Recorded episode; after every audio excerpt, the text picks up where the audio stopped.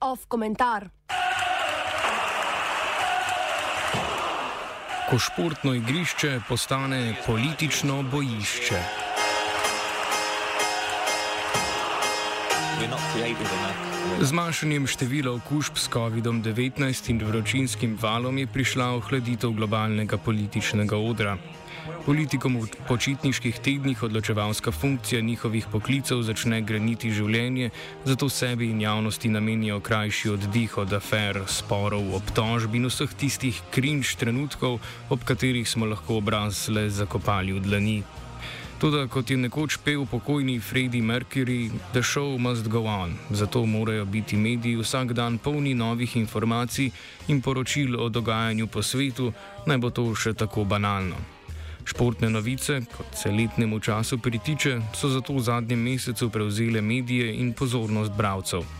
Med njimi izstopa najpomembnejša postranska stvar na svetu.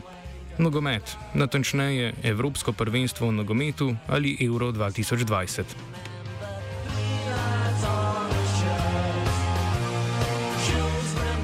Če v zadnjem mesecu niste bili zaposleni z zakonom o vodah, s čarovniškimi procesi proti skupnosti LGBTIQ na mačarskem ali s spraševanjem, ali bo Španija še vedno na zelenem seznamu tudi ob vaši vrnitvi v Slovenijo, obstaja velika možnost, da ste vsaj zasledili novice o Euro 2020. Vsi tisti, ki ste se vročini izognili z aktivnim spremljanjem prvenstva, se boste verjetno strinjali, da je to postreglo z nekaj presenečenji. Ukrajina v četrtfinalu, Danska v polfinalu in neustavljiva Francija le v osmini finala. Gotovo pa je ekipa, ki je z uvrstitvijo v prvi finale v 55 letih najbolj presegla pričakovanja, reprezentanca Anglije.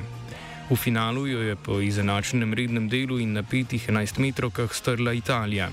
Angliški preporod prihaja v prvem letu Združenega kraljestva zunaj Evropske unije ali drugače povedano ob napačnem času za Združeno Evropo.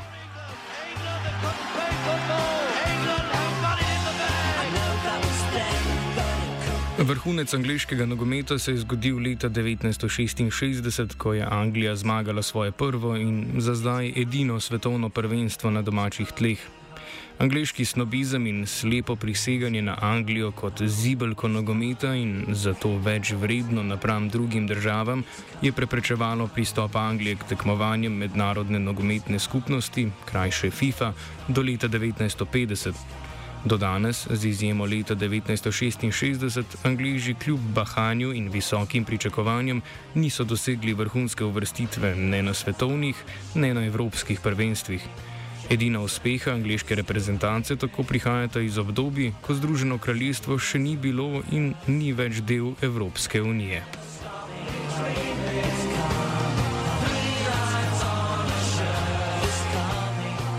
Nogomet je šport in zato ne bi smel imeti politične note, vendar jo ima. Politiki radi projicirajo lasnosti peščice izbranih športnikov na celotno populacijo nacije in s tem skušajo ukrepiti tako moč države v mednarodni skupnosti, kot tudi legitimnost nekaterih političnih odločitev.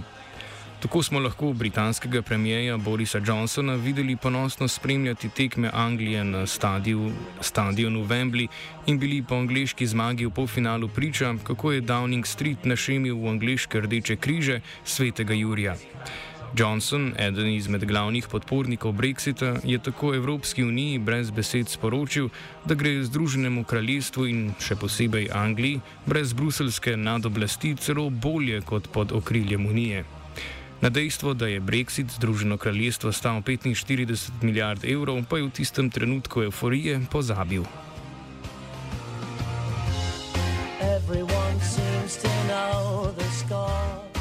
Če obsojate takšno ponašanje politikov z uspehi športnikov, ste morda zdaj na strani Unije, na račun katere se je ponorčeval premijer Johnson. A kot se rado zgodi, Unija oziroma predsednica Evropske komisije Ursula von der Leyen Johnsonove poteze ni sprejela najbolj športno. Prek svoje pisarne je namreč sporočila, da bo v finalu prvenstva navijala za Italijo, torej proti Angliji, in se s tem na skoraj otroči način vključila v javno zbadanje, ki s športom sploh nima povezave. So many jokes, so many Šport v večini vzbuja zelo močna čustva, še posebej, ko v njem ljudje niso neposredno udeleženi in ga le spremljajo od daleč. Je dejavnost, ki človeku prinaša vdih in kratkoročno pozabo vsakdanjih skrbi. Profesionalni šport pa zaradi večje količine denarja privabi več bogatejših investitorjev in politikov, ki v njem iščejo možnosti zaslužka in javne manipulacije. To smo videli črno na belem, ko je britanska politika pokazala neverjetno in neponovljivo enotnost ob nasprotovanju ustanovitvi Evropske superlige, lige najbogatejših evropskih nogometnih klubov. Takrat se je oglasil premijer Boris Johnson in naznanil, da se bo britanska vlada proti ustanovitvi takega tekmovanja borila z vsemi sredstvi. Superliga je na to propadla po 48 urah in Borisu se na srečo ni bilo treba zares boriti. To bi bil namreč na vse smešen prizor.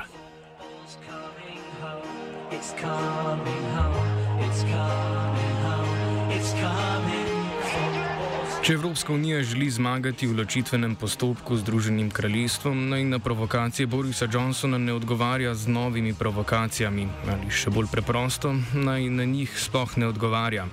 Šport prav tako ne bi smel biti politično bojišče. Politični boji v športu športu vzamejo njegov primarni pomen - ohranjanje zdravega telesa in uravnotežene osebnosti. Zaradi trenutnih političnih odnosov med Evropsko unijo in Združenim kraljestvom je obetajoča nogometna klasika med Anglijo in Italijo v finalu evra postala tekma med Brexitom in EU. V tem kontekstu šport pogosto tudi nadomesti politiko.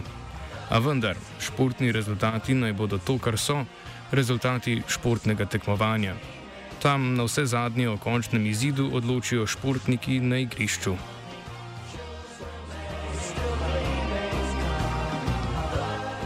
Ov komentar je pripravil Vito.